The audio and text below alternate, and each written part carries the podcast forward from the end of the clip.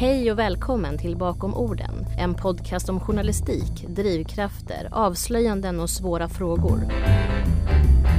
I varje avsnitt träffar jag, Linnea Wannefors, journalister, både kända och mindre kända, som står bakom orden vi hör, ser eller läser varje dag. I det här avsnittet träffar jag Mikael Kulle. Han är journalist och programledare på Sveriges Radio och hörs på morgnarna i P1 Morgon där han varit en av programledarna sedan augusti 2019. Intervjun spelades in i slutet av 2020 innan julledigheter, vaccinstarter och ett fastställt resultat i det amerikanska valet. Och i vårt samtal pratar han om skillnaden mellan att skriva och prata i radio, hur den perfekta följdfrågan inspirerar och hur han började sin journalistiska karriär som gurka på Radiosporten. Här kommer min intervju med Mikael Kulle. Hallå Mikael, hallå! Hej! Hur mår du idag? Jag mår bra, tack. Det är måndag, veckan börjar, ny nyhetsvecka, alltid sådär. Lite spännande att se var den ska ta vägen. Just idag har jag en eh, lite sådär påläsningsdag. Man kan läsa lite vad man vill, eh, läsa in sig på ämnen som, som man inte har tid annars. Så att, eh, en ganska bra dag när man, när man får lite möjlighet att sopa ihop allting. Men hur vanligt är det då att man, att man får sådana här dagar och sitta och grotta ner sig lite i, i ämnen som kanske inte är dagsaktuella liksom, aktuella hela tiden? Ja, men just vi på P1 Morgon, vi, har, eh, vi tre programledare rullar ju på, på sändningarna och delar på dem. Så var tredje vecka har vi en dag när vi kan, när vi kan ta igen lite grann just eh, sådär att man, man får tid att kanske läsa en bok ibland när man ska intervjua någon i sändning som man har på gång. Kanske man måste se lite film. Så att det här är en dag när man gör sånt eh, eller tar igen någonting annat. Man kanske har lite längre tid på sig för någon intervju som man, man kan förbereda lite längre i förväg. Ofta är det ju väldigt mycket på, från dag till dag, eh, mycket som sker med kort varsel. Men, men ibland så har vi också möjlighet att, att göra lite längre så att då brukar vi använda de här dagarna till, till sånt. Det låter ganska lyxigt måste jag säga. Jag tänkte vi ska komma in lite grann på din bakgrund och, och din väg mm. dit där, där du sitter idag. Då. Kanske inte hemma då, men eh, där du jobbar vanligtvis. Um, men jag tänkte börja med att fråga. Du är ju van att uh, sitta i studio, du är van att eh, ringa upp personer och du är van att ställa frågorna. Hur känns det här? Ovant, eh, men som väldigt eh, bra perspektivskifte. Jag gjorde någon intervju eh, också för några veckor sedan just där jag fick lite frågor och slogs av, av just det, att det här är ju mitt jobb, att varje dag ställa frågor till människor. Att, att man någonstans eh, landar lite grann i att det är väldigt självklart att sitta där i studion och ställa frågor och, och möta människor hela tiden. Men sen när man själv ställs inför frågor, ska tänka efter och det är jag som ska svara. Det var en väldigt bra, bra upplevelse att göra det och precis som nu att ställas inför det där eftersom jag varje dag nästan gör just det. Att få veta hur, hur ser det ut in i huvudet på någon som får de där frågorna? Vad, vad tänker man? Vad känner man? Även om många av dem jag möter är ju professionella eh, när de ska svara på frågor. Men jag möter också ovana människor och det var bra att få det, den lilla insikten i hur det kan vara. Ja, för det händer inte jätteofta att vi journalister faktiskt är de som, som får frågorna. Eh, det har jag själv märkt. Nej. nej, precis, exakt. Men du, om vi bara blickar tillbaka på de gångna månaderna, för det känns konstigt att, att prata med folk som men överhuvudtaget prata med folk idag och inte nämna pandemin. Hur har ditt arbete förändrats eh, sen, eh, ja, men sen i januari, sen, eller sen pandemin brakade loss? Till en början så har det väl varit ganska normalt om man tittar på början av året. Efter ett tag så, så var det så att de som kunde jobba hemifrån fick göra det. Men vi som jobbar i studion, vi måste ju vara på plats. Vi måste ju sitta där och, och köra en direktsändning. Det går inte riktigt att, att göra ett P1 Morgon hemifrån garderoben. Ehm, så att till en början ganska lite. Ehm, och sen har det där krypit på mer och mer och nu under hösten så tycker jag att det har blivit ganska tydligt, särskilt under november då när, när det blev ett, ett lokalt utbrott av covid-19, inte på min redaktion men, men hyggligt nära. Och då, då blev det väldigt många restriktioner, väldigt tydligt. Och där kan jag känna att det har satt sig lite grann. Eh, i människors eh, medvetande. Jag tycker framförallt den där bilden av att normalt när man träffar någon i korridoren så är det liksom åh tjena kul att ses och man börjar snacka om någonting och kanske spåna på något eller sådär. Men, men nu är det mer att oj, nu kommer någon i korridoren, bäst jag går en annan mm. väg. Mm. Går liksom omvägar runt varandra och det tycker jag är väldigt på ett sätt nödvändigt men väldigt tråkigt just nu. jag håller verkligen med dig. Man märker att man, man tar två meters, den här lilla älgen mellan varandra hela tiden lite grann. Men mm har jobbet påverkats nå någonting så tillvida liksom innehållsmässigt? Ja, i och med att vi då eh, inte, ja, det blir väldigt mycket mer restriktioner har ju gjort att vi inte eh, har några gäster i studion längre. Vilket vi har haft eh, i alla fall en bit under året och vi har en väldigt stor studio. Vi har möjlighet att ha coronaavstånd i studion, men just för att vi ville vara ännu mer försiktiga så har ju alla intervjuer skett på, på distans, på länk. Eh, man skickar ut utrustning istället och det går ju väldigt bra, eller i alla fall väldigt mycket bättre i radio kontra tv. Men det är klart att det är mycket roligare att sitta med någon i studion, ansikte mot ansikte, att kunna se den man pratar med, att kunna göra intervjun och verkligen se hur saker och ting eh, faller ut, frågor fungerar, man ser ansiktsuttryck, man kan, man kan ta det lite längre. Ja, men precis. Går det att upprätthålla liksom samma energi och samma du, intensitet om du förstår vad jag menar när man gör det? Alltså, det gör ju vi nu, så det lär vi ju märka. Men, men, men det måste vara svårt i vissa lägen, tänker jag. Ja, men ibland, så just de där när man gärna vill, eh, vill komma lite närmare så, så är det klart att det är en fördel att se personen framför sig. Eller eh, som vi eh, har i P1 Morgon då, att vi kan ha diskussioner med flera inblandade.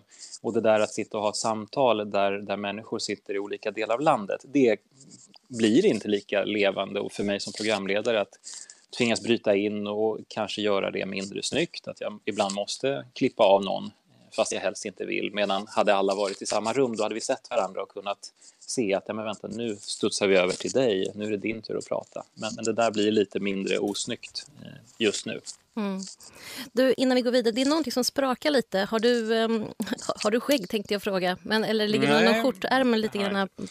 Men jag tänker, jag ska försöka hålla headsetet här så att det inte ligger mot en tröja. Så ja, men, ja, det blir lite mer omständigt för dig kanske, men jag tror att det är rätt bra ja, ljudmässigt. Ingen fara, du får säga till om, Vad bra. om jag är där igen. Och jag lovar. Du, om vi bara backar lite. Eh, berätta lite grann hur det började innan du hamnade på P1 Morgon. Eh, alltså, vad var det som gjorde att du blev intresserad av att jobba med journalistik från första början? Om vi ska backa riktigt bandet så långt så, så är det väl nästan ännu längre. Alltså, jag tror att när jag växte upp så var det ganska givet. Eh, det började nog med att farsan brukade komma med eh, morgontidningen på morgonen. Han väckte mig och lägga den vid sängen. Liksom. Och så började jag läsa först sportsidorna, viktigt, men sen läste jag mer och mer av andra grejer och så följde liksom det där med allt eftersom att det här med att ha koll på vad som händer, att veta, jaha, det där, det där är på gång här eller lokaltidningen till exempel, så klassiskt exempel på journalistik som ändå är rätt nära, som är rätt intressant. Så att jag började liksom mer och mer vilja ha koll på, på allt som händer. Men hur gammal var du då? då? Ja, men säg att eh, vi pratar väl ändå ner i mellanstadieålder, liksom. någonstans mitten på 90-talet. Eh, och det var också där som alltså internet började ju eh, komma på riktigt i Sverige. Det känns ju avlägset nu, men när, när webbläsaren hette Netscape och man, ja, man gick in på Alta Vista för att söka. Alltså, Vilka minnen! Och det var ju ja, länge sedan. Jag tror att till och med i början så följde jag min pappa till hans kontor och, och satt liksom och använde deras datorer för att göra det här och tyckte det var väldigt häftigt att kunna gå in och läsa en artikel på Göteborgs-Posten till exempel. Wow! Mm. Det var liksom ingenting man hade närheten av sig själv men, men plötsligt försvann alla de där avstånden och information bara fanns där ute. Det tyckte jag var väldigt fascinerande. Men visste du redan då vad det var för typ av journalist du ville bli? För du var inne på sport där ett tag. Var det det som var liksom första inkörsporten då eller? Det var nog en bra, eh, bra lockelse liksom om vi ska prata just live direktsändning och den liksom magin som uppstår där, då tror jag att sporten absolut var en, en sån där ögonöppnare i alla fall, eller öronöppnare då i det här fallet. Att, eh, jag menar, att lyssna på ett Sportextra när det händer grejer, att man vet att nu, i detta nu pågår det här och det här och det här och att få hänga med där, det, det var absolut en, en sån där dragningskraft. Och sen har jag nog inte tänkt att jag ska bli sportjournalist eh, primärt, men jag har sett det som ett liksom, första steg. Eh, och sen har det utvecklat sig. Och jag har nog känt hela tiden att ja, men någon slags bred allmän journalist som har koll på det mesta är nog det som jag är mest intresserad av. Ja, för det finns annars, eller upplever jag i alla fall lite grann i branschen, att man, eller man får ofta frågan sig, jaha, och vad har du för specialområde då? Mm. Att ha något så här speciellt ämne som man är extra, extra insatt i, det har liksom aldrig lockat dig riktigt? Inte riktigt på det sättet. Jag kan beundra de eh, kollegor som har det. Jag tycker att det är otroligt fascinerande och inte minst inom Sveriges Radio där vi har så många duktiga kollegor som är otroligt insatta i de mest spännande ämnen. Men samtidigt så vet jag att jag gillar ju att hoppa lite från det ena till det andra från dag till dag beroende på vad som är mest aktuellt. Och det är klart att ibland kan jag känna att åh, vad jag önskar att jag var expert på just det eller på just det där. Men, men det blir liksom en, en vattendelare lite grann mellan att å ena sidan kunna sitta i direktsändning varje dag och hantera ämne efter ämne och å andra sidan följa ett specifikt ämne på daglig basis. Mm. Det känns lite grann som att det här med liveläge har, har förföljt dig lite. Är, är det det som har liksom lockat och dragit lite i dig? Ja, delvis i alla fall. Jag, jag, tycker jag har ju, innan jag kom till Sveriges Radio var jag på Dagens Nyheter och Dagens Industri där jag jobbade lite grann med deras tv-satsning. Eh, och jag har hela tiden känt att den där nerven av live ändå är väldigt spännande. Att någonstans här och nu, vi vet inte riktigt vad som ska hända. En tidningsartikel är ju någonstans ändå, den är skriven och redigerad och ändrad och anpassad. Den ska ju vara så bra som den bara kan bli. Samtidigt som en livesändning ska också vara det, men det finns massa variabler som vi inte riktigt alltid kan påverka i alla fall. Och det är ju lite kittlande. Att gå in i en sändning och inte veta var vi kommer att vara när den slutar eller vad som kan hända på vägen dit. Var var det du utbildade dig någonstans? Jag gick, ehm, jag var lite otålig så innan jag kom in på JMK, eh, journalistutbildningen vid Stockholms universitet, så, så gick jag också en Poppius-kurs i journalistik. Och ehm, ja, innan det så hade jag dessutom jobbat lite grann hoppat in lite grann på lokaltidningar bara för att prova på lite sådär. Men, och då var det Nacka Värmdö-Posten? Nacka Värmdö-Posten har jag jobbat på, precis. Ehm, jag har också jobbat på en amerikansk tidning. Jag var utbytesstudent ett år och Aha. tyckte att det här med journalistik, det här måste jag ju få göra mer av. Så då fick jag hoppa in som basketreporter där. Oj, var då någonstans? Det här var i Idaho i nordvästra USA, en liten stad där som ehm, ja, en stad på 5000 invånare, Weezer Men du började alltså som skrivande reporter. Just det. Vad skulle du säga är den största skillnaden mellan att vara skrivande reporter och vara radioreporter? Eller jobba med radio och jobba med, med skrivande? Det finns ju saker som går igen förstås, men, men att skriva, det är ju ett annat språk lite grann i alla fall. Man, man kan eh, lägga upp sin journalistik lite annorlunda också för att den som hänger med, alltså den du riktar dig till, den kan ju läsa igen, den kan backa tillbaka, läsa en gång till om den inte förstod.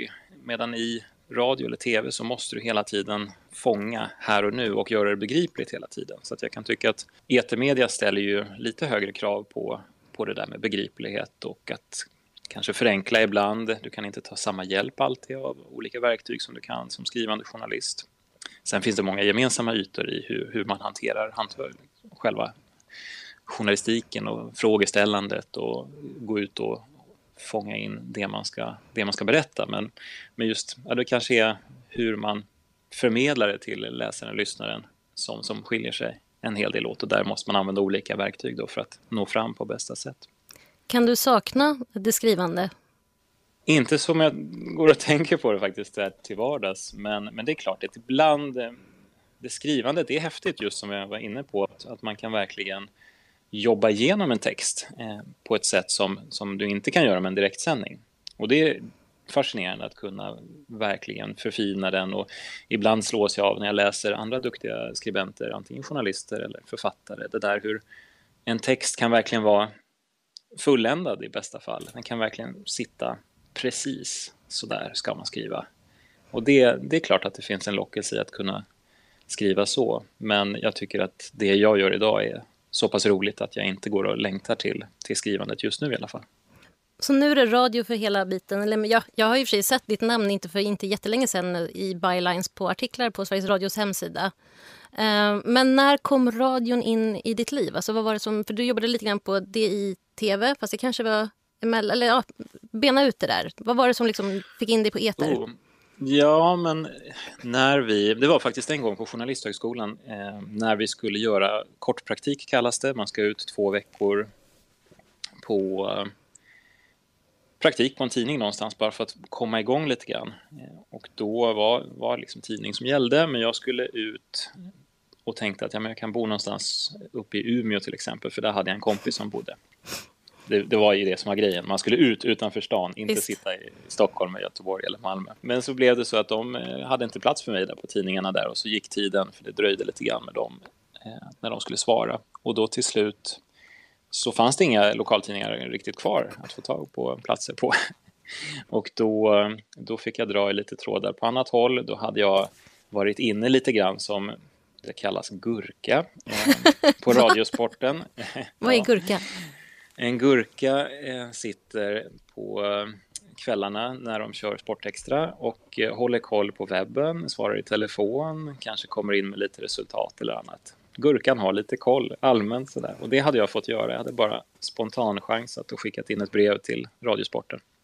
Så jag hade suttit där några kvällar och sen tack vare gurkajobbet så hade jag kontakter med P4 Jönköping lite grann och kunde komma dit på två veckor istället för att göra tidning då. Så det var väl liksom min första riktiga sådär att, att gå in och jobba som, som radioreporter. För du är Stockholmskille, eller hur? Du har liksom basen i Stockholm. Ja, Ja. ja, jag har liksom inte kommit någon vart. Jag är kvar. Men, men på P4 Jönköping fick du göra lite allt möjligt som man får på en mindre redaktion. Ja, och det är ju verkligen fördelen. Jag har ofta tänkt på det där, man får rådet ibland på journalistutbildningar att stick ut, åk till de små ställena, satsa inte på de stora, för där får ni inte göra lika mycket. Och det ligger ju verkligen någonting i det. Och sen, Verkligen. Mm. sen är det klart att det är en väldig fördel att ha varit på stora redaktioner också, därför att man får med sig någonting, någonting annat därifrån. Någon, en- någon, ja, men en stor tidning eller ett stort mediehus erfarenhet som också är väldigt viktig. Men tack vare att jag var där och eh, satte gasen i botten direkt, hade en jättebra chef där som heter Peter Olsson, som alltid var sådär, det är klart du ska göra det här. Du kan, gå ut och gör och gav förtroende. Så det blev två jättebra veckor som var otroligt roliga. Hur viktigt är, eh, är ett bra ledarskap? Både, jag tänker både som praktikant när man kommer ny, men jag tänker också när man jobbar och har några år på nacken i branschen så att säga. Det är ju viktigt förstås hela tiden det där ledarskapet. I början för att eh, lyfta, att göra det där att du kan, att tro, någon tror på det helt enkelt. Att verkligen visa att, men försök, jag tror att du har möjlighet. Och det här gäller ju förstås överallt, inte bara journalister, men att någon verkligen ger dig det utrymmet att, att växa och få prova saker utan att det på något sätt bara blir en fallgrop utan att man visar att, ja men kör. Och sen nu efter några år i branschen, det är klart att särskilt som programledare, att, att ha bra stöd från, från sina chefer för att man någonstans ändå är man, man är där ute och den som får, får vara ansiktet för programmet. Och det är klart att det är skönt att veta då att ja, men min chef tycker att jag gjorde ett bra jobb. Det är ju den frågan man ofta går hem med efter sändning. Att, gjorde jag ett bra jobb idag? Blev det här så bra som jag önskar? Och där kan man gå och grubbla själv förstås. Men då är det väldigt bra att, att veta att man har någon som, som säger att ja, men det var bra. Ja, det är otroligt viktigt att få den där feedbacken. Eh, en annan sak som jag tänkte på är att journalistbranschen idag eh, är ju en rätt svår bransch. Det är ont om fasta tjänster och längre kontrakt. Hur var det för dig när du började komma in i branschen? Jag kom väl in på riktigt då via praktiken som jag gjorde på Dagens Nyheter. Körde ett helt år där, en LAS-sväng som vi kallar det. Och sen, eh, sen fick jag rådet därifrån, men prova och sök till Dagens Industri. Eh, Och så fick jag lite kontakter där. Och så hoppade jag vidare dit, körde några år där. Och då var jag väl inte fast anställd där, utan det var först sen när jag därifrån de la ner DI-TV, den satsningen just då. Det var precis under finanskrisen, så det var ganska kärvt i branschen just då. Eller det var otroligt kärvt. Många la ner, många skalade ner, sparade. Men därifrån, eftersom jag visste att det var etermedia jag ville hålla på med, så sökte jag till Ekot. Kom till Ekot och gick på ett VIK som sträckte sig tio månader ungefär och sen kom det en fast tjänst som annonserades ut och då sökte jag den och fick den. Det låter nästan som en Askungens eh, saga, höll jag på att säga. ja, men det ska ju inte vara så, tänker jag. Ja, Det är väl något som gör mig lite ledsen över branschen, det där just att man, man ser så många som, som går runt, runt, runt och som är hur duktiga som helst, men som ändå aldrig fastnar på något ställe. Mm. Jag kan verkligen känna igen och relatera och jag ser, jag ser det också eh, överallt, även ur mitt eget perspektiv. Men varför är det här ett problem då i, i journalistbranschen? Men jag tänker att det behöver nödvändigtvis inte vara ett problem. Men i de lägen jag ser att det blir det så är det just dels när människor inte kommer in. Man kommer någonsin aldrig in och det det som jag alltid tyckt när jag ser antingen från mina eget perspektiv, mina egna ögon eller med andras vikarieögon så känner jag att någonstans tycker jag att det ska löna sig att göra ett bra jobb. Det ska alltid, det ska alltid kännas som att om jag bara presterar riktigt, riktigt bra så kommer det i slutändan leda mig någonstans. Jag tycker det finns en, en så betydande del av den rättvisa aspekten att att den som har gjort ett bra jobb också ska belönas. Och så blir det ju inte i det här läget. Och det tycker jag är väldigt tråkigt, att man ser att du kan göra 150 procent som, som inhoppsvikarie och sen spelar det liksom ingen roll därför att du är ändå bara en del i, i det stora maskineriet där du måste lasas ut efter 11 månader. Mm. Och den, den delen tycker jag är sorglig. Eh, sen tycker jag att ibland, inte ofta, men ibland genom åren så, så har det hänt att man springer på någon kollega, någon som jobbar som man känner att den här personen borde inte jobba med det här för den trivs inte i den här rollen. Den tycker inte det här är roligt. Den har fastnat och den ser bara inte någon annan möjlighet att ta sig vidare någonstans i branschen. Och om man jämför med andra yrkesbranscher där man kanske kan känna att ja, men nu har jag jobbat här i fem år, dags för mig att kliva vidare, jag skulle vilja göra det där istället. Det finns liksom inte i samma utsträckning inom journalistiken. Folk fastnar lite mm. grann och det kan, det måste inte bli, men det kan bli en, en sån fälla som jag kan tycka är lite tråkig. Det blir också lite grann så att det finns ju mycket kritik inom journalistbranschen just att det är på det här sättet. Men vi är inte så himla bra på att granska oss. För Det är väldigt få som vågar ställa upp. Också med, med rädsla för att man inte ja, men man kanske inte får jobb på en redaktion längre fram. Alltså förstår du, det finns en, en rädsla i att vara kritisk för då kanske man inte kan gå vidare i karriären. Så att vi granskar liksom inte oss själva som vi kanske borde göra, eller vad säger du? Så kanske det kan vara att man eh, i, i alla fall i den ställning som många vikarier är i, så, så är det klart att det inte är så lätt antagligen att ställa sig och, och ryta till och tycka att det här är fel. Så är det nog. Men eh, samtidigt så har vi ju problemet i att journalistbranschen, precis som jag tänker på skådespelare eller vad det nu kan vara, de yrken som någonstans är väldigt eftertraktade många som vill ta sig an just det där jobbet, ja, då blir det lite det där att finns det ett stort, stort utbud av möjliga journalister, skådespelare, sångare, artister, vad det nu kan vara. Mycket kulturyrken blev det. Mm. Men, men då blir det ju så att, att arbetsgivaren kan ju också välja och vraka på ett mm. annat sätt jämfört med när de verkligen, ja, vi behöver 20 sjuksköterskor här, vad gör vi? Ja, vi måste se till att få in dem. Det är klart att det blir en annan situation. Så det är lite svårt också att se hur, hur man ska komma till rätta med, med det här, det kan jag tycka. Vad är bäst med att jobba med radio, att, att sända radio? Alltså om jag bara utgår ifrån det jobb jag gör idag så är det ju ett otroligt spännande, roligt, kreativt arbete att någonstans få vara den som, som ska uppdatera om det där som har hänt när man vaknar på morgonen. Att kanske ge den där intressanta diskussionen mellan olika åsikter i en fråga som är på topp just nu, det som är allra viktigast. Det är ett otroligt roligt jobb på det sättet man hela tiden blir insatt i det där senaste. Det är mm. nästan så att jag ibland känner så här, är det här verkligen ett jobb? Liksom, att sitta och prata och, och bara hålla koll på saker och ting. Det är ju otroligt lyxigt. Och så undrar man ibland vad man kan egentligen. Men eh, ja, det, det är kul därför att man får hänga med i det som, som är samhället. Du har sagt att du trivs som bäst i direktsändning. Kan du beskriva vad, vad händer? Hur känns det? Vad är, liksom, vad är ditt mentala läge där? Mitt mentala läge är verkligen att när, när sändningen drar igång då ska alla förutsättningar vara så bra som möjligt. Förstås, om sändningen ska bli bra så, så ska man verkligen ha förberett sig så bra som möjligt. Men också att hitta det där rummet, om man får kalla det så, att sändningen verkligen är min att jag är hemma i studion och det kan finnas massa saker man kan göra för att det ska bli så bra som möjligt. Det handlar faktiskt inte bara om förberedelser på, på ett jobbmässigt sätt utan också det där med mentala. Att, eh, att känna att nu är det jag och lyssnarna och så kör vi och ser vad som händer. Och att skapa den tryggheten i studion, det har jag försökt hitta sätt liksom att, att landa i det där. Och att när vi väl kör sändningen så, så får vad som helst hända också och det är okej. Okay. Och det som är planerat, det ska bli så bra som det bara kan bli. Och det som gör att jag trivs allra bäst där är ju för att någonstans är det ju, det är ju det, den ytan jag hela tiden jobbar mot när jag förbereder mig. Det är allt, allt handlar ju om själva nu ska det här ut till lyssnaren. Nu måste det bli så bra som möjligt. Det är både krav, eh, men det är ju också det som är så härligt att, att få göra det. En sak som jag ofta tänker på när jag hör dina intervjuer, eller snarare blir så fascinerad av, ska jag säga, det är att jag tycker att du har en förmåga att liksom börja från början, där det handlar om, på ett naturligt sätt. För det är inte alla som kan liksom kroka in lyssnaren på ett sånt sätt. Och sen så sker övergångarna, liksom, om du ska byta ämne eller gå vidare i intervjun eller fördjupa dig eller så. Det, det sker ganska sömlöst. Hur, berätta hur du tänker när du bygger intervjun.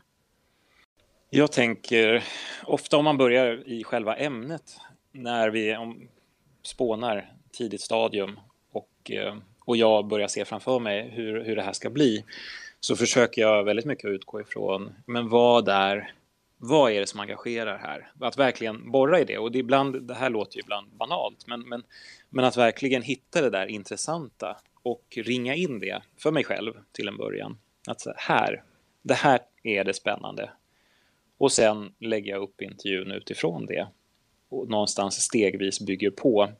För att jag vill skapa då en röd tråd. Jag vet, okej, okay, hur ska vi börja med att sätta in den som kanske inte har all koll på just det här ämnet. Hur bygger vi en liten bakgrund för att sen komma in i kanske en problematisering eller en fördjupning? Och vart är jag sen på väg? Vart är målet för den här intervjun? Eh, hitta det där var jag kommer att landa och helt enkelt stegvis försöka få med lyssnaren dit. Eh, det låter lite flummigt kanske när jag berättar, men, men för mig handlar det väldigt mycket om att identifiera engagemanget, hitta den röda tråden genom för att fördjupa, bygga på och, och sen veta var jag, vill, var jag vill komma någonstans. Men alltså, samtidigt måste det vara jättesvårt. Jag tänker på ett program som P1 Morgon till exempel som har alla möjliga.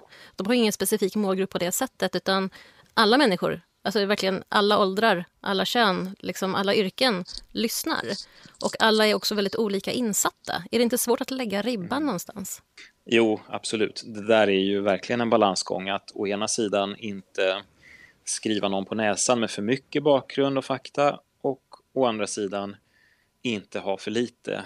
Så att eh, jag tänker, ofta försöker jag lägga in lite eh, bakgrundsinformation eller att man tar det där lilla extra att det får komma lite grann i förbifarten. Att man nämner det i någon bisats, att man lägger in det lite sådär, ja, apropå hörni, att det inte kommer som någon övertydlig fakta som stör utan att det mer är, ja men det där, just det, ni som kanske inte hade koll på det säger jag inte, men, men att ändå att det lite grann får komma i farten, att det inte ska kännas så jobbigt att höra det om man nu vet om det där redan. Men, men som du säger, absolut, vi har en bred publik. Vissa kommer ha stenkoll på, på en del saker och andra har det inte och då gäller det att hitta någon slags gyllene medelväg som, som ändå är acceptabel för de flesta. Det måste också vara svårt, tänker jag, för du som programledare läser ju på och förbereder dig, gör research. Och sen ska det inte märkas i intervjun. Alltså I en bra intervju, enligt min mening och enligt vad man lär sig på journalistutbildningen så ska man ju inte synas som programledare. Du ska ju få personen du intervjuar att synas i sina svar och inte måla för mycket med, med, med faktan och visa att, att du är påläst. Förstår du vad jag menar? Absolut. Och där tänker jag för egen del så är de bästa frågorna i min värld de som är rätt korta egentligen. Att inte brodera ut för mycket i frågorna, att inte i alla fall inte brodera ut bara för att visa att man har koll. Sen kan man behöva lägga in fakta eller någonstans ta fram sånt som man har läst på för att det är viktigt för själva frågan. Eller för men, lyssnarna. Men det kan vara ibland, eller för lyssnaren, att man vill markera eller om det är så att intervjupersonen inte själv berättar om någonting eller att man behöver det för att bygga den där bron till, till nästa fråga. Men ibland kan jag se att det finns kanske en tendens eh, att, att man vill lägga in lite för mycket hela tiden. Att frågorna någonstans är som bäst när de är enkla. Mm. Så att eh, jag brukar försöka lägga upp det på förhand, försöka tänka igenom då att var någonstans kan det tänkas behövas läggas in mer information. Men annars så är det ju som du säger att när man gör sin research så har man ju den i huvudet. Det är därför den är så viktig att ha där och så försöker man plocka fram den när det känns relevant mm. eller när det behövs för att ta, ta intervjun vidare eller bemöta någonting som sägs i intervjun. Är du alltid med då? Alltså jag tänker, det kan ju komma någonting som oj, oh, vänta, vad sa personen där? För att när man, producenten sa någonting i örat under tiden. Eller så. Det är så svårt att vara så närvarande som jag upplever att du faktiskt är. Det där är ju den stora utmaningen.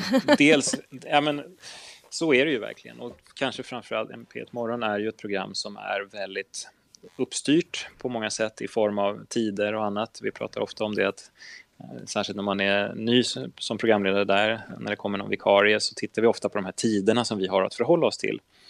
Och de är väldigt detaljerade. Man ska ha koll på tiderna, man ska höra vad producenten säger eller skriver i chatten och du ska samtidigt vara närvarande. Och av allt det så är ju den där närvarokänslan i intervjun det allra viktigaste eh, i slutändan. Det är klart att vi ska hålla tider och allt det där, men att verkligen lyssna är prio ett, för det är där det viktiga händer. Sen är det som du säger, det är den svåra uppgiften och den stora utmaningen är att när det händer någonting eller när det sägs något som, som jag kanske inte har kollat upp eller liksom det blir ett sidospår i intervjun, det är ofta där det händer. Om, om det drar iväg åt något annat håll, då kan man ju verkligen hamna i en svår sits för att det kan bli lite knivigt om man inte har koll på precis allting, vilket man omöjligen kan ha. Men där gäller det att vara så vaksam som möjligt. Och då får man, antingen om det är en diskussion mellan två parter, får man ju såklart försöka att studsa där mellan dem. Men också att ifrågasätta, att hela tiden ifrågasätta det som sägs. Det är väl lösningen möjligen när man, när man inte har all bakgrundskunskap själv. Jag själv, när jag skriver och förbereder en intervju eller när jag ska programleda så eh, har jag, och det kommer du säkert märka, eller om du inte redan har märkt det i den här intervjun, att jag skriver ner väldigt mycket frågor. Eh, alldeles för många frågor oftast, vilket jag tycker kan vara en trygghet, för då vet jag alltid att jag har någonting att falla tillbaka på. Men hur brukar du själv tänka? Brukar du skriva ner eller brukar du ha bara några stolpar och sen så lite öppet? Eller? Jag eh, har nog ganska mycket nedskrivet för det mesta. Sen så är det som du säger att det kan absolut vara fler frågor i frågebatteriet än vad som hinns med.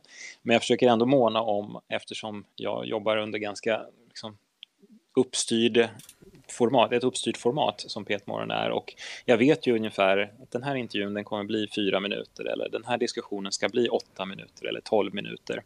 Så själva dispositionen där blir väldigt viktig i ett direktsänt program som, som jag leder, att verkligen veta hur ska jag komma, hur ska jag hinna komma fram dit jag vill nå med den här intervjun eller den här diskussionen. Att det inte blir så där att vi sitter och pratar, klockan rinner iväg och så måste vi tacka av innan vi har kommit till det mest intressanta.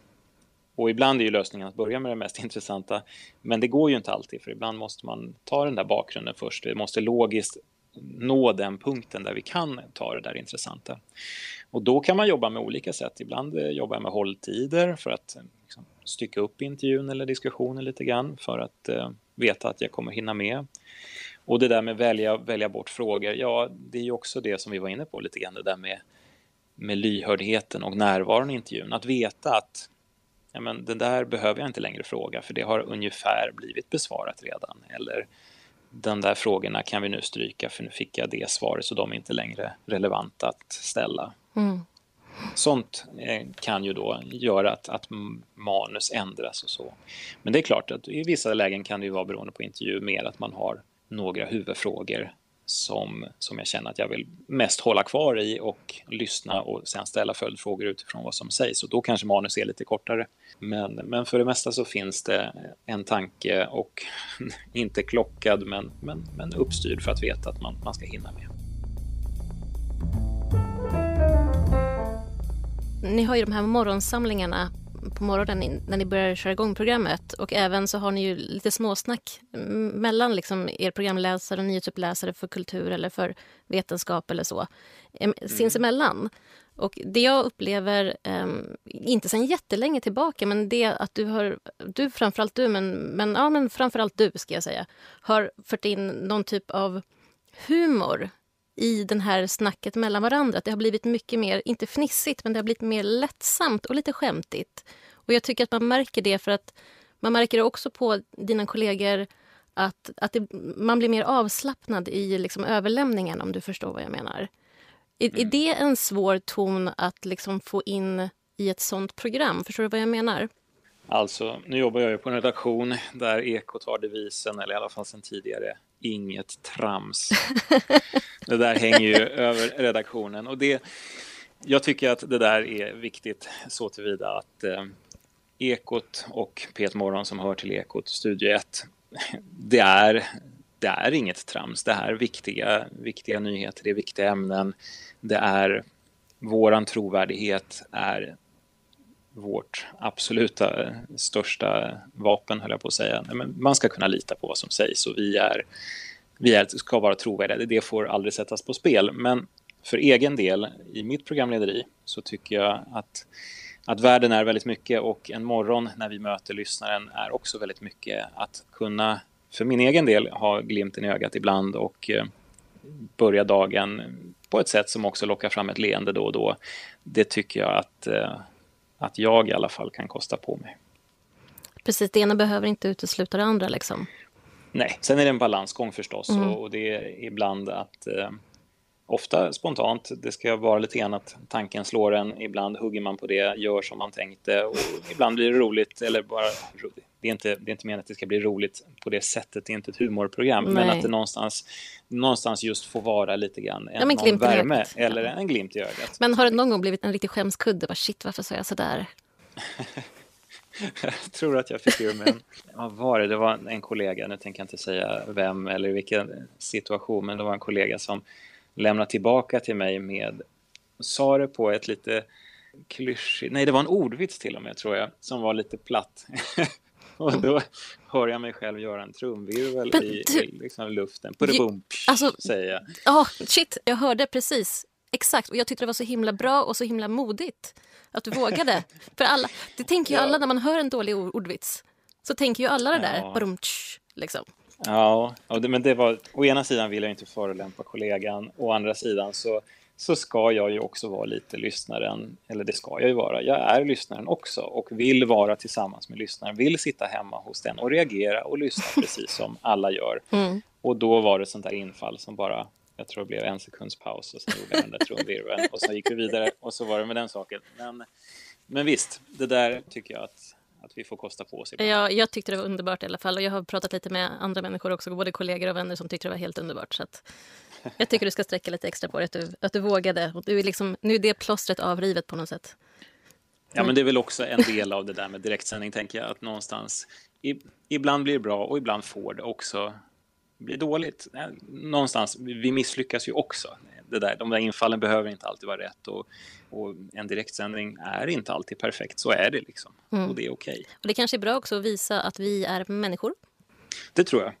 Jag tror att det är klart att jag som programledare ska vara professionell och sköta allting, alla intervjuer, alla diskussioner, debatter. Innehållet ska förstås aldrig tummas på, det ska vara där, men att också vara människa i, i dem, att lyssna och reagera som en människa. Jag menar, det är klart att det är viktigt. Man vill ju inte lyssna på radio och höra en robot prata, utan det ska ju ändå finnas en, en medmänsklighet där. Vi pratade lite tidigare om det här med att hålla sig uppdaterad och läsa på, vilket du sitter ju och gör en dag som denna. Men är du någonsin rädd eller orolig att ha missat någon viktig, någon viktig bit och bara shit, det här har jag, det här har jag inte riktigt koll på? Absolut. Eh, särskilt ibland, jag menar programmet lever dygnet runt närmast. När jag går hem för dagen inför en sändning så vet ju jag att kollegorna på kvällen fortsätter jobba vidare. Jag vet att det kan hända saker under kväll, under morgon, under programmet.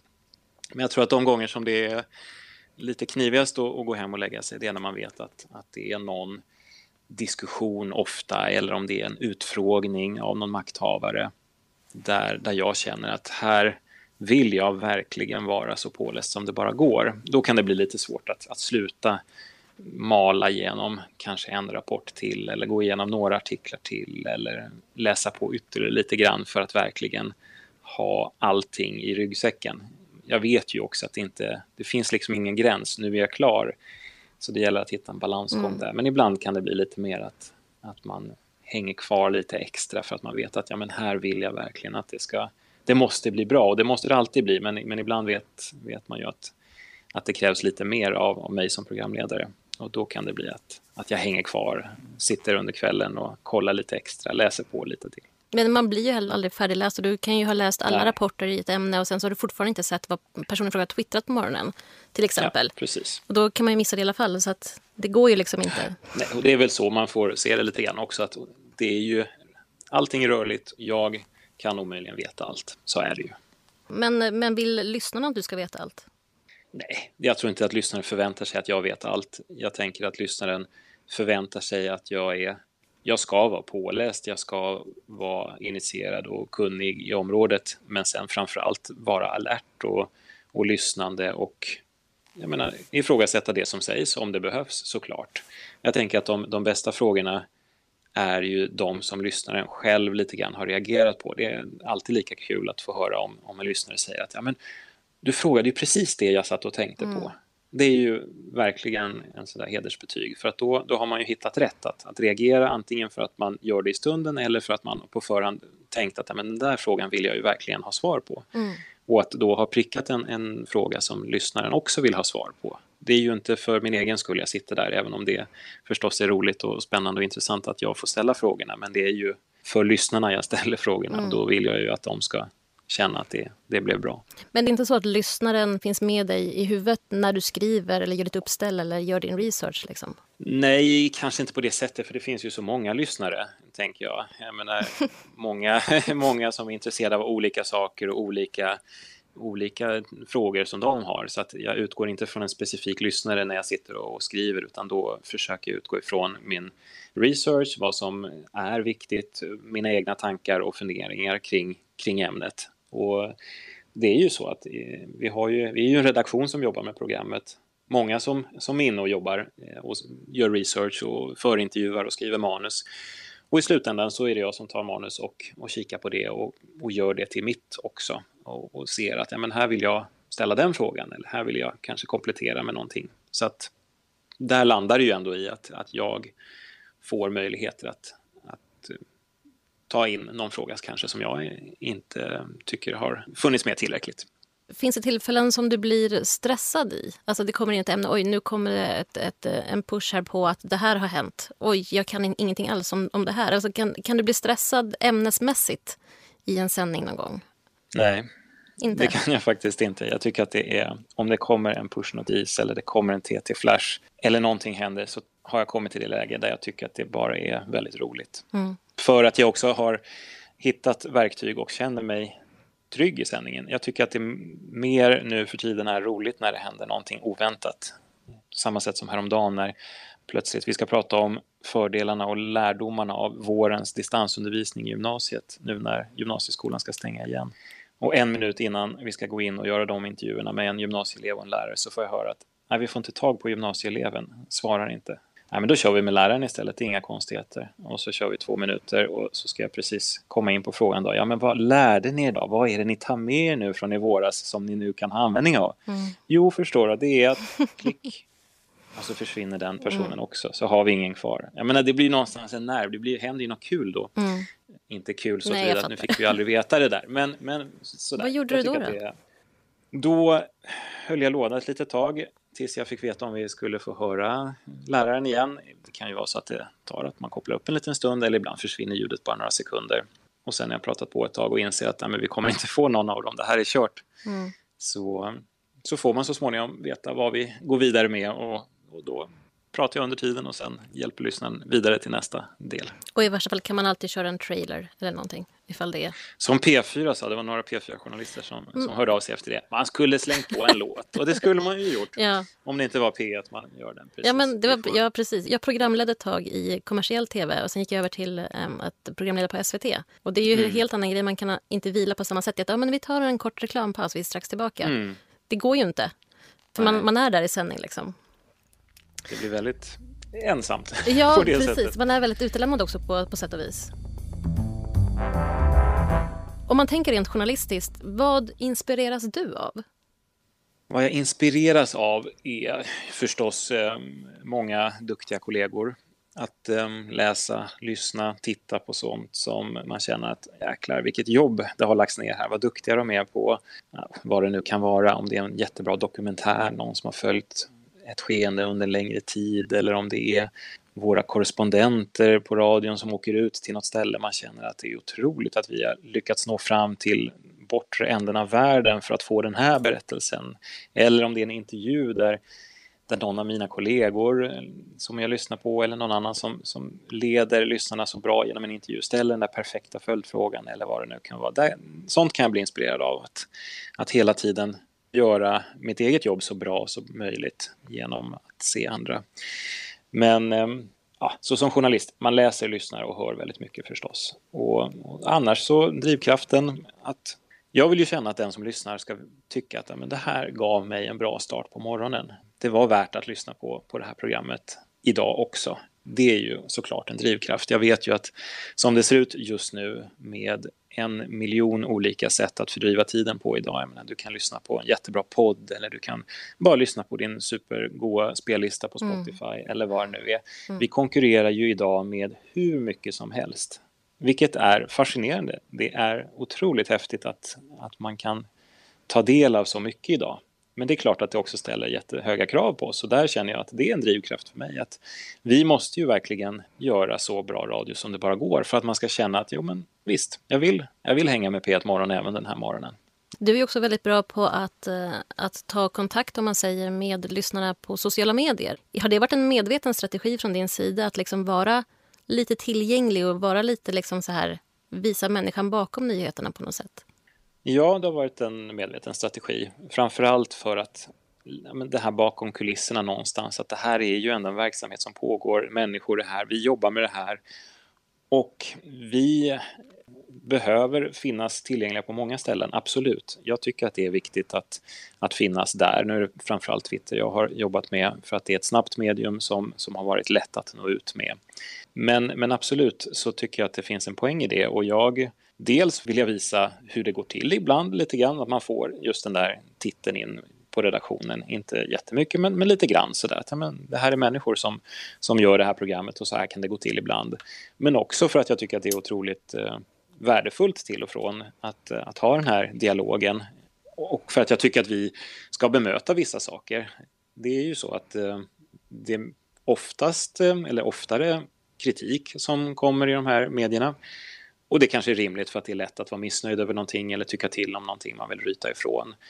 Men den kritiken kan, jag menar emellanåt har ju den absolut eh, fog för sig. Ibland har den inte det och då ska man bemöta det och ibland är det bara en ren liksom, avsky som kommer av någon annan anledning eller vad det nu kan vara. Som, det kan man kanske bortse ifrån. Men, men att, att ha en dialog med folk tycker jag ofta är väldigt värdefullt. Det handlar både om att svara på mejl men också på, eh, på tweets eller att gå in och bemöta någonting som sägs om, om P1 Morgon framförallt. Jag försöker att inte ta, ta hela, hela spektrat men, men just att är det ett program som jag har varit inblandad i så, så tar jag gärna en dialog. Men det kan också gå till överdrift, eller inte överdrift, men det kan ju växa. Att man, man, man, får en, en respons, man ger ett svar och sen så blir det två, tre svar till. Eh, och det tar liksom inte slut. Eh, och vissa dialoger behöver inte ta slut heller men, men det är svårt att hitta den där balansen, eller vad säger du?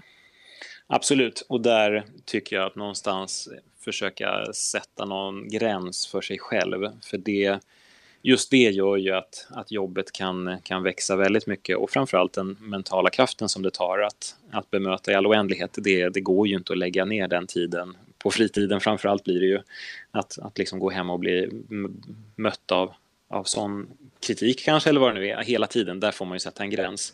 Men att säga att ja, men jag kan absolut gå in och svara en gång om jag tycker att, att vi ska komplettera med någonting. Om man säger något om, om programmet som inte är sant Eh, då tycker jag att det är viktigt att, att vi finns där och visar att, ja men ursäkta, så där är det inte. Så här var det ju. Vi rapporterade om de här sju ämnena den morgonen. Det var inte alls bara ett ämne som du påstår att vi har rapporterat om eller vad det nu kan vara.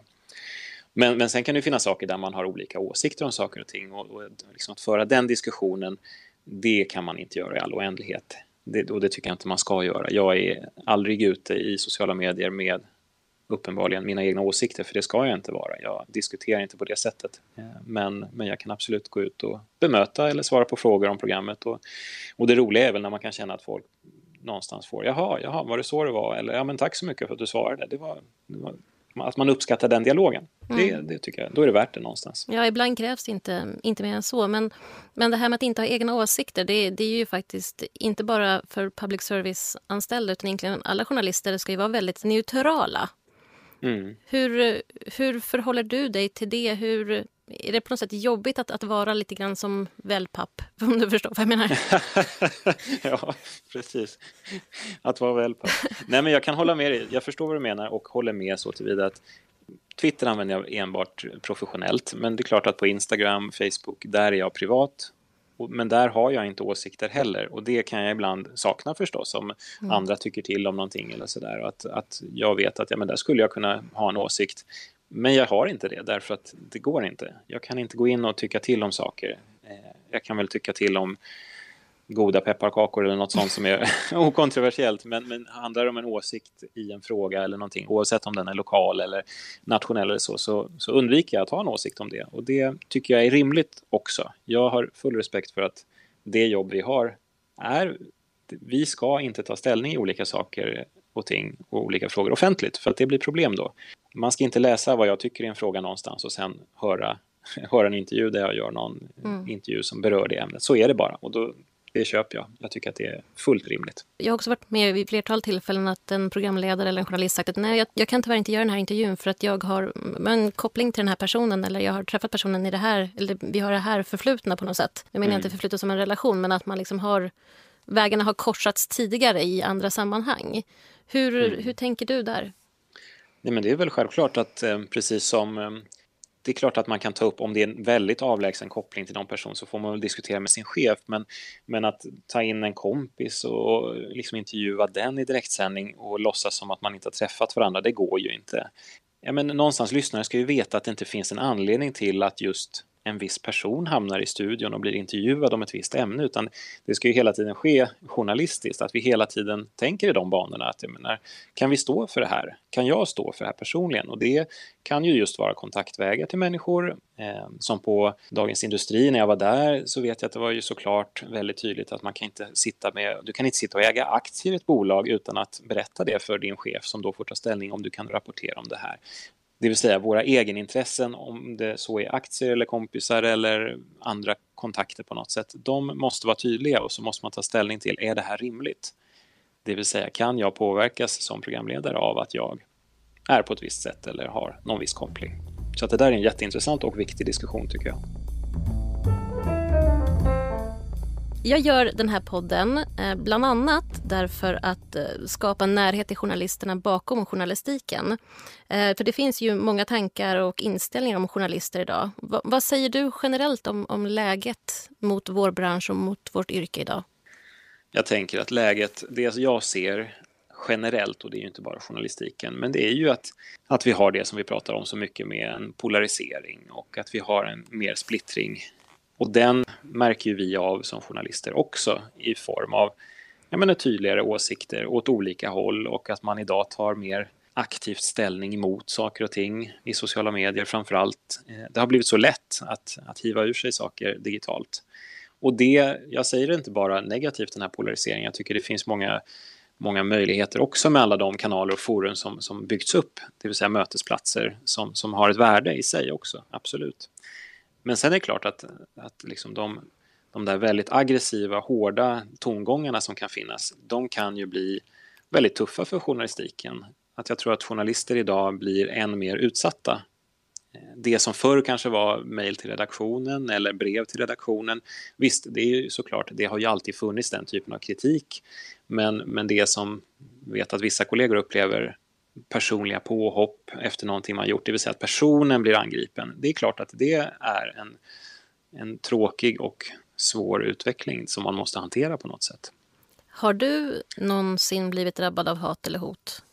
Nej, det kan jag inte säga att jag har faktiskt och det är väldigt, jag är väldigt glad för att slippa det. Hat och hot har jag inte inte fått. Sen är det klart att eh, åsikter, alltså, om vi tar bort ren, ren sådär att jag tycker det här och det här om programmet, alltså det som har med innehållet att göra är en helt annan sak. Det ska jag alltid kunna svara på och diskutera den typen av kritik. Men, men åsikter om mig som person, det ska man ju inte behöva ta, tänker jag. Och det har jag inte behövt göra.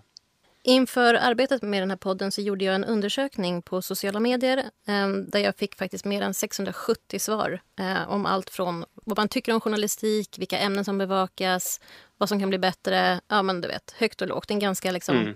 inte djupgående, men ganska, ganska ytlig, men ändå bred. Um, vi skulle, jag tänkte vi skulle prata lite om de svaren nu. Mm.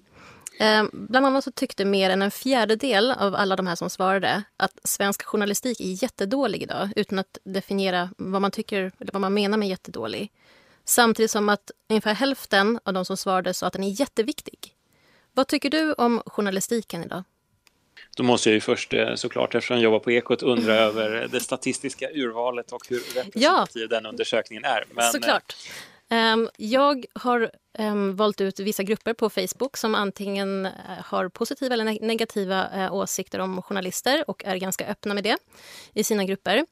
För att um, tanken var inte att få en bred bild, så här tycker svenska folket. Utan jag ville liksom fånga upp de här åsikterna som man... Som, alltså, det, det förekommer i så många grupper som vi också får ta del av i mejl och så till oss. Att, att folk är väldigt kritiska och eh, ibland väldigt negativa, ibland utan substans, ibland med substans. Jag ville liksom nå de personerna. Så det är inte statistiskt på det sättet. Men ändå, nej men om vi nu, om vi nu bortser från, från exaktheten, det kan mm. man diskutera och det vet man ju aldrig. Nej, men, men, det är klart att det intressanta i frågeställningen är vad tycker du om journalistiken och, mm. och hur, viktig, hur viktig är journalistiken? Mm. Ja, om vi börjar med hur viktig är journalistiken så kan jag personligen tycka idag att med tanke på som vi var inne på tidigare, det här med den oändliga informationsmassan vi har idag, det vill säga du kan ta del av så mycket överallt och det är ju fantastiskt. Du kan läsa en tidning vilken du vill från USA eller du kan lyssna på podden från eh, Sydafrika om du så vill. Alltså det finns inga gränser, allt är oändligt. Det kan jag personligen tycka gör att journalistiken på ett sätt blir ännu viktigare så tillvida att eh, när du kan ta del av så mycket idag så är det så mycket information att vi också har ännu större behov av det här redaktörskapet som journalistik är. Det vill säga att när du varje sekund nås av olika nyheter, pushnotiser, allt det där, så kan jag tycka för egen del att, att en väl editerad tidning där du har det här är det senaste dygnets stora händelser och det andra kanske var mer brus eh, om man så vill. Ja, det har ju ett ännu större värde idag när informationen är så omfattande. Så att journalistik är ju viktig eh, även idag för min del. Eh, jag tycker också att journalistikens roll som den, som den alltid har varit, att, att någonstans den där rollen av att vara ute och att ställa de kritiska frågorna hela tiden till den som sitter på makten. Att, vet, att makthavare ska veta att de kommer och är bevakade, kommer bli och är bevakade, den är ju superviktig. Att människor tycker att journalister är dåliga eller att journalister inte gör sitt jobb, ja absolut, det det tror jag att människor har tyckt i alla tider på sätt och vis. Jag menar, all, alla har ju rätt till sin åsikt och man kan väl tycka att en journalist gör ett, eh, gör ett dåligt jobb. Man kan ju undra om de har blivit fler eller om de är färre idag jämfört med tidigare. Det tycker jag är en intressant fråga, utvecklingen över tid. Mm. Är det ett problem att människor tycker att journalister är dåliga? Jag vet inte, det beror på. Om alla tycker att alla journalister gör ett dåligt jobb, ja det är klart att det är ett problem. Att det finns en del som tycker att journalister gör ett dåligt jobb, Ja, det kanske är naturligt. Det måste inte vara, betyda att vi måste ändra på allting. Det finns ju alltid människor som är missnöjda med, med olika saker.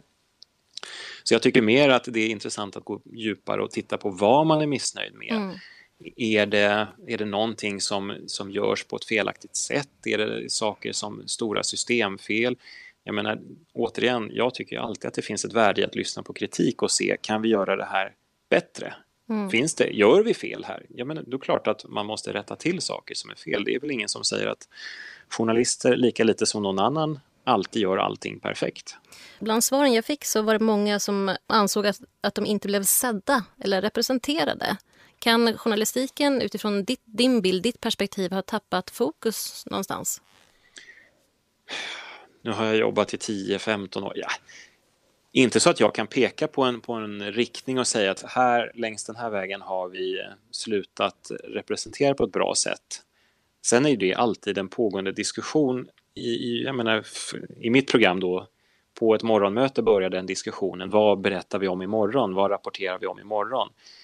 Vilka är de stora viktiga frågorna? Hur hittar vi de stora viktiga frågorna och ser till att de finns med? Vi diskuterar alltid så många ämnen. Jag menar, vi har en tavla som är helt full med ämnen nästan alltid på morgonen och sen ska vi sålla fram ämnen utifrån den. Och det är klart att vi vill inte bara vara i Stockholm, vi ska vara i hela landet. Vi vill inte bara vara i Sverige, vi ska vara i andra delar av världen. Vi vill plocka in ämnen som är angelägna och relevanta på olika sätt. Sen är det ju så att, att vi har ju vårt begränsade format också. Vi kan inte alltid ta upp alla ämnen som alla tycker är viktiga. Och vi kan säkert ibland göra ett ännu bättre jobb än vad vi gör med att representera olika intressegruppers eh, områden. Men eh, jag tror att det där är en hela tiden pågående process där det är viktigt att påminna sig om just det där. Att vänta nu, ska vi verkligen vara i det här ämnet? Borde vi vara där borta? Borde vi göra mer om det här? Ja, en grej som, som journalister, eller som ja, mediehus kanske snarare blir kritiserade för är att man driver en viss agenda, om den är vänster eller höger eller mitten eller vad det nu är för agenda. Men att, att det finns en agenda bakom journalistiken. Vad säger du om det? Att det finns en agenda, ja, det finns det kanske i vissa mediehus. Om man, men i USA är det ju tydligare eh, att man har ju en uttalad inriktning. Jag har inte sett en, agenda, en politisk agenda i något av de mediehus jag har varit i. Jag tänker att det som jag reagerat mest på under tiden är väl kanske att ett kommersiellt medium, där upplevde jag i alla fall när jag var eh, i kommersiella mediehus, eh, att det fanns en vetskap om att någonstans, vi, vi säljer ju det här vi måste sälja en tidning och eh, ibland hände det att man fick veta exakt hur annons, annonsförsäljningen gick och man visste att nu håller annonsörerna på och försvinner ifrån och det kunde skapa en press i att veta att oj, vi måste verkligen få de här klicken, vi måste få de här toppsäljande löpsedlarna eh, eller vad det nu kan vara. Det upplevde jag som en press ibland. Att jag kände mest att det här vill inte jag veta. Även mm. om det klart ingår i jobbet också att jag veta hur tidningen går. Men, eh, men på public service så, så har jag alltid känt den lyxen av att vi inte måste förhålla oss till ett, eh, till ett kommersiellt tänkande på det sättet. Vi kan utgå ifrån publiken. Jag har inte känt en politisk agenda eh, som styrt mig under min tid. Utan det är en redaktion som diskuterar och där det är öppet och högt i tak. En, en sista grej bara som har koppling till den här undersökningen som jag gjorde. Eh, mm. var att eh, det var ett par stycken som ansåg att eh, svenska medier har lagt mer energi på Trump och eh, amerikansk politik än på att granska situationen eller rapportera om det som händer här hemma. Och du bevakade ju valet. Har det blivit för mycket rapportering nu under valet och efterspelet nu som vi är inne i nu kan man säga? Jag personligen tycker inte att det har blivit för mycket efter valet. Jag tycker att det är mycket under den perioden som har varit eh, rimligt och relevant att rapportera om. Jag tycker inte att man behöver rapportera om varje liten tweet eh, Trump eh, skriver eller häver ur sig. Men, men jag tycker att mycket av det efter valet har varit eh, motiverat. Jag säger inte att all, varenda artikel, varenda inslag har varit det, men generellt kan jag tycka att det är en väldigt spännande och viktig process där en president faktiskt hänger sig kvar vid makten trots en valförlust. Och det är ju viktigt att, eh, att visa och berätta om kan jag tycka. Sen inför valet det är ju alltid en balansgång det där. Hur mycket ska man bevaka ett val inför och där det dessutom är ett val långt bort. Men samtidigt USA som är det land som påverkar oss väldigt mycket, hela världen. Det har betydelse vem som sitter i, i Vita huset. Men det är klart att ibland inför valet kan jag känna att det kanske blev lite mycket av hur går det i opinionsmätningarna? Vem leder? Hur ser det ut just nu? Kan de komma ikapp? Ehm, det blir ju en, en dramaturgi som är ganska lätt att haka på och, eh, och ibland, några, några gånger tycker jag väl att ja, där hade vi kunnat komma, komma längre i bevakning, kanske mer av sakfrågor eller att inte bara följa just den där hur, hur ser det ut i opinionsmätningarna, för jag tror inte den är så talande ändå med tanke på hur det amerikanska valsystemet är uppbyggt. Men borde vi bevaka andra politiska val i andra delar av världen lika mycket som vi bevakar amerikansk politik? Jag tycker om man tittar utanför USA, svenska val förstås, alltså EUs politik jätteviktig, ska bevakas mycket och eh, nu kan jag inte säga att jag har mätt bevakningen av ett amerikanskt presidentval och val inom valet till EU-parlamentet till exempel. Det är klart att vi ska lägga väldigt stort fokus där också man tittar på Asien, Kina, vi pratar en del ibland internt om menar, hur mycket uppmärksamhet får Kina i förhållande till USA? Ja, betydligt mindre om man jämför. Samtidigt har Kina en jättestor ställning, stark ställning i världen också och ska bevakas. Och där kan man väl säga att den kulturella närheten för vår del till USA säkert spelar in i att, att det är lättare för oss att, att titta mot USA och man kan utgå ifrån en lyssnare också som har helt andra kulturella referenser till USA än vad man har till Kina i många fall. Så att eh, jag tror absolut att vi skulle kunna bevaka andra val ännu mer, det tror jag. Mm. Eh, det har blivit dags att runda av. Tack så jättemycket för att du ville vara med och dela med dig och att jag fick helt enkelt bara fråga ut dig. Är det någonting som jag alltid brukar fråga i slutet på intervjuer? Är det någonting du vill tillägga eller förtydliga? Ja, det var en spännande, spännande intervju. Jag tror inte jag har sagt någonting som eh, något dumt. Det är ju verkligen intressant det här med journalistik och det är väldigt spännande jobb och det är roligt. Hela den här grejen, kontakten med lyssnarna, är, jag uppskattar den därför att det är ju därför vi gör det här. Och det där med som du pratar mycket om och, och vill skildra någonstans, journalistiken och människorna bakom, ja, i, i dessa tider. Kanske ännu viktigare än någonsin för att det är i alla fall, om jag pratar för egen del, så man gör ett jobb som man hoppas ska bli så himla bra som möjligt och sen kanske inte alltid blir perfekt men, men vi kämpar ju alltid efter att få ett, få ett så bra program för att lyssnaren ska bli så nöjd som möjligt. Så är det ju. Mm. Det, det upp en fråga till i mitt huvud. Nu går du till mm. jobbet väldigt tidigt på morgnarna. Men finns det någon dag, någon gång som du verkligen inte har lust att gå upp och gå till jobbet? Aldrig. Aldrig? Nej, äh, skämt att säga. Jag, jag, jag går verkligen, ärligt talat, glad till jobbet varje dag. Jag tycker jag har ett fantastiskt roligt jobb och även om klockan ringer 23 minuter över tre på morgonen så är det, det är kul. Varför 23 minuter över tre? Ja, det är precis så lång tid jag behöver. Här, varje sekunds sömn är viktig där så att jag har tajmat det där så att exakt där behöver jag gå upp för att hinna till in till klockan fyra på jobbet. Är du lite yrkesskadad av tid och ja. körscheman? Ja. det låter så i alla fall. Kanske det. Tack så jättemycket Mikael för att du ville vara med och prata. Ja, men det var så lite. Tack snälla. Du har precis hört ett avsnitt av podden Bakom orden. Både mig och podden hittar du på sociala medier, bland annat under hashtaggen bakom orden. Lämna gärna en kommentar eller ett önskemål om en framtida gäst. Vi hörs!